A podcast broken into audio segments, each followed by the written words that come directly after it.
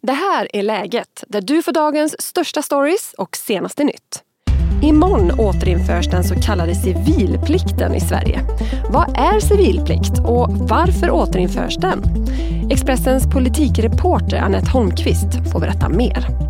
Vi ska också prata med Rymdstyrelsen om varför astronauten Marcus Wands resa till rymden inte blev av igår.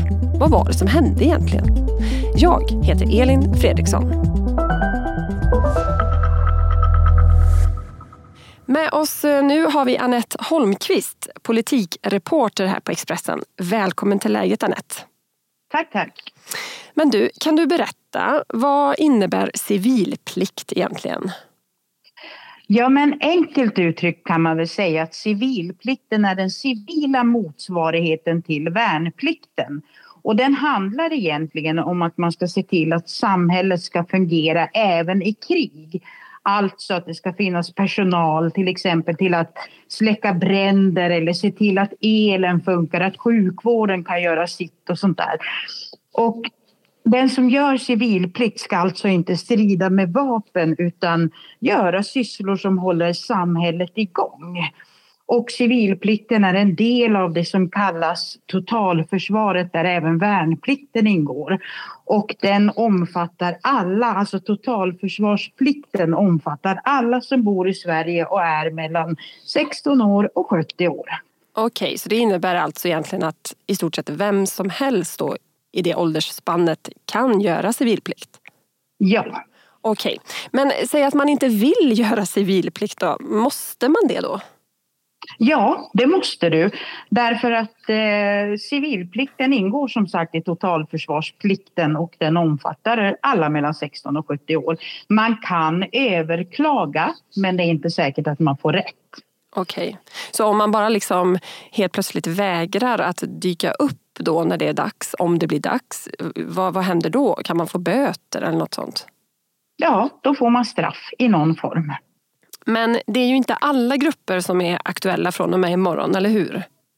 Nej, det stämmer. De som nu omfattas i civilplikten som återaktiveras, det är bara två grupper. Det är räddningstjänsten, alltså brandkåren, och elförsörjningen. De som är utbildade inom de här områdena men som inte jobbar inom kommunal räddningstjänst. För det är räddningstjänsten som är först ut och där räknar man med att det är ungefär 2000 personer som ska omfattas. Och det är också den gruppen som kommer att få göra repövningar först och där räknar man att man med att i år hinna med ungefär 300 personer. Och därefter i nästa steg kommer de som, som ska ansvara för elförsörjning. Men regeringen har också tillsatt en utredning som jobbar just nu och ser över vilka andra delar som kan bli aktuella. Och den ska vara klar nästa år. Och hur jobbar då Sveriges regering med att höja beredskapen för krig? Det ska vi prata om alldeles strax, men först en kort nyhetsuppdatering. Polisen som skadades efter en attack i Jönköping förra veckan har lämnat sjukhuset. Det var i början av januari som polisen skadades svårt efter att ha attackerats med ett vasst föremål. Polisen vårdades på sjukhus men kunde lämna förra veckan, skriver Polistidningen med hänvisning till Region Östergötlands pressavdelning. En man i 35-årsåldern sitter häktad misstänkt för mordförsök och ska genomgå en sinnesundersökning. Miljöpartiets språkrör Märta Stenevi sjukskriver sig på obestämd tid. Det skriver hon på Instagram. Stenevi har varit språkrör för Miljöpartiet sedan 2021. En post som hon sedan november delar med Daniel Heldén. Jag har varit sliten efter den gångna hösten, skriver Stenevi och hänvisar till händelser privat. Men också till de läckor som förekom inför eh, partiets kongress i höstas. En 28-årig kvinna från El Salvador som 2015 dömdes till 30 års fängelse efter misstankar om att hon gjort en abort har friats. Kvinnan födde en dotter med hjärtproblem som dog tre dagar efter födseln. Hon anklagades för sin dotters död och för att inte ha tagit hand om barnet under graviditeten. Kvinnan har suttit frihetsberövad i mer än sju år, skriver BBC, men har nu släppts.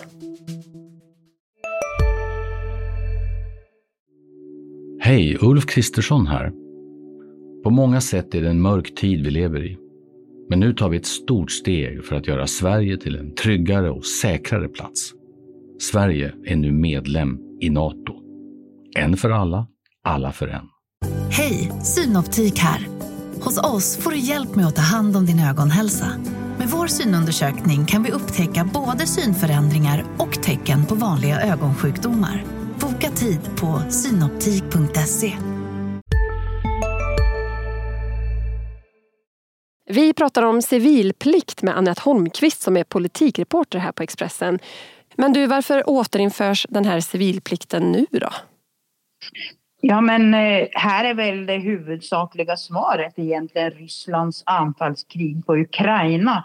Kriget har ju visat att det är av största vikt att sånt som el, vatten, wifi och så vidare fungerar även i krig. Och eh, kriget i Ukraina har ju också försämrat säkerhetsläget i Sverige. Mm. Men hur jobbar då Sveriges regering med att höja den här beredskapen för krig? Det sker i flera olika steg. Största delen handlar förstås om att bygga ut alltså det militära försvaret en massa.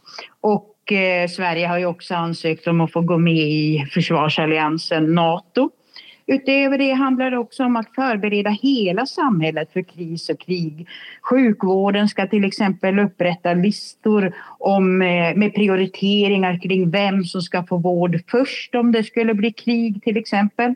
Eh, och vi vanliga medborgare uppmanas att också förbereda oss. Vi ska se till att vi kan klara oss några veckor även om elen skulle sluta fungera till exempel. Det kan handla om vi ska ha vatten i dunkar, konserver i skåpen eller ha en vevradio hemma som fungerar även om strömmen och internet försvinner så att vi kan ta del av viktiga budskap från samhället. Mm. Så det sker på väldigt bred front kan man säga. Mm, vi ska vara förberedda helt enkelt. Men du då, ehm, den här civilplikten har ju faktiskt funnits en gång men togs bort. Varför då? Ja, men det var ju huvudsakligen för att vi hade ett helt annat världsläge då. Kärnvapenhot och krig mellan stormakterna kändes väldigt avlägset. Så det var ju det. Det pågick ju en nedrustning under lång tid. Och civilplikten följde med i det. Så det var en annan tidsanda än vad det är idag kan man väl säga. Perfekt. Tack snälla Anette för att du kom till läget och redde ut. Tackar. Igår skulle Sverige ha fått sin tredje astronaut upp i rymden men uppskjutningen blev inte av. Varför då? Strax pratar vi med Rymdstyrelsen. Men först fler nyheter. Om du är ett Sex and the City-fan ska du höra upp nu. För idag går nämligen Carrie Bradshaws ikoniska tyllkjol ut på auktion. Du vet den där ballerinakjolen som skådespelaren Sarah Jessica Parker har på sig i intro till den populära serien. Kjolen väntas klubbas för omkring 12 000 dollar som motsvarar ungefär 125 000 svenska kronor. Och auktionen äger rum på Julians Auctions i Beverly Hills, Kalifornien. Nej, det blev ingen rymdresa för Marcus Svante igår. Men han behöver inte vänta länge, för ikväll får han en ny chans. Något man inte sköt på däremot, det var Rymdstyrelsens rymdvaka. Det ska vi prata mer om nu med Johan Markopoulos, kommunikationsansvarig på Rymdstyrelsen. Hej Johan! Hej! Du, först, varför blev det inget igår? Det är inte helt ovanligt att såna här uppsägningar blir inställda. Eh, de vanligaste skälen när man ställer in brukar vara att eh, väder, vind eller så under nedräkningen så är det något litet delsystem som inte säger okej. Okay. I det här fallet så var det liksom innan man egentligen började nedräkningsfasen så, så hade man kommit på att det var någonting med eh, eh, ett delsystem till fallskärmarna som används alltså när, när eh, astronauterna har flugit upp till rymdstationen, varit på rymdstationen och sen måste komma tillbaka till, till jorden så är det fyra jättelika fallskärmar som läggs ut och då var det något delsystem till de här fallskärmarna som man ville på något sätt kontrollera. Men du, ni valde ändå att genomföra den här rymdvakan som ni hade planerat. Eh, vad gjorde ni då när det inte blev något? Vi hade eh, dels eh, lite förinspelade eh, filmer med forskare de som har experiment, svenska experiment ombord. För de forskarna är själva i Florida och ska tänkte att sälja upp sändningen därifrån. Så hade, och sen så hade vi Eh, några andra forskare som eh, vi ställde lite frågor till. Det var bland annat om hur immunförsvaret påverkas och också om lite mer exotiskt eh, hur färdigt till Mars, när kan det bli av och hur eh, kan man göra? Och sen så hade vi också representanter för eh, en ungdomsförening, Astronomisk ungdom pratade lite med dem och deras ambitioner. Och eh, eftersom det inte blev någonting så fick Astronomisk ungdom avsluta med att göra raketen på scen. Alltså med det man klappar händerna och stampar med fötterna. Så det blev vår raket. Men du, ikväll då, eh, då har ju du nu uppskjutet fått en ny tid. 22 eh, mm. och 49. Kan vi reda ut det här lite ja. grann med just tiderna? För att igår så skulle man lyfta 23 och 11 och nu då 22.49. Alltså vad är grejen med de här konstiga tiderna? Ja, alltså, tiderna styrs av att man vill få en, en eh, optimal eh, bana och vad heter det, eh, så bränsleeffektivt och, och, på alla sätt så effektivt som möjligt. Så att det räknas ut. Eh, och det brukar vara så att, att eh, nästan som en tumregel, ett dygns försening är lika med en eh, halvtimme, 20 minuters framflyttning i tid. Eh, istället för att det blir 24 timmar så blir det eh, 23 och en halv timme ungefär. Marcus Wandt blir ju i och med det här nu då den tredje svensken någonsin i rymden. Vad betyder det för Sverige?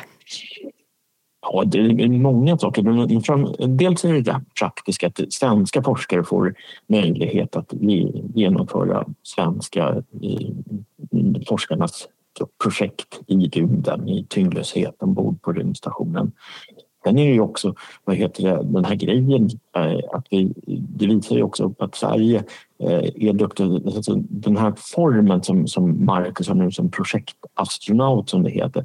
Där är Sverige först i, i Europa med, med att eh, ha en sån och Marcus har ju tagit sig fram rekordfort. Det är liksom mindre än ett år sedan han liksom, eh, började. Eh, och sen så, så finns det också såna här aspekter av att det, intresset det stimulerar och, och eh, heter, förhoppningsvis är det eh, många unga som tycker att det här verkar spännande. Jag kanske också vill satsa på det här. Jag kanske inte når hela vägen till att bli astronaut men det finns ju väldigt mycket andra spännande arbeten. De flesta människor i Sverige tycker att ja, men det, här, det här är bra. Vi visar att vi är duktiga, vi är framåt. Hur ska du följa uppskjutningen ikväll? Blir det ytterligare en rymdvaka? Nej, vi, vi, vi mäktar inte med till rymdvaka ikväll. Utan, eh, jag kom, personligen kommer jag nog följa det eh, via någon webb om det inte är så att jag ska eh, hjälpa någon att kommentera det hela i någon, någon slags eh, kanal. Tack Johan Markopoulos på Rymdstyrelsen för att du var med i Läget. Det var allt för idag. Läget kommer ut varje vardag så se till att du följer podden så missar du inga avsnitt. Tack för att du har lyssnat. Du har lyssnat på en podd från Expressen. Ansvarig utgivare är Klas Granström.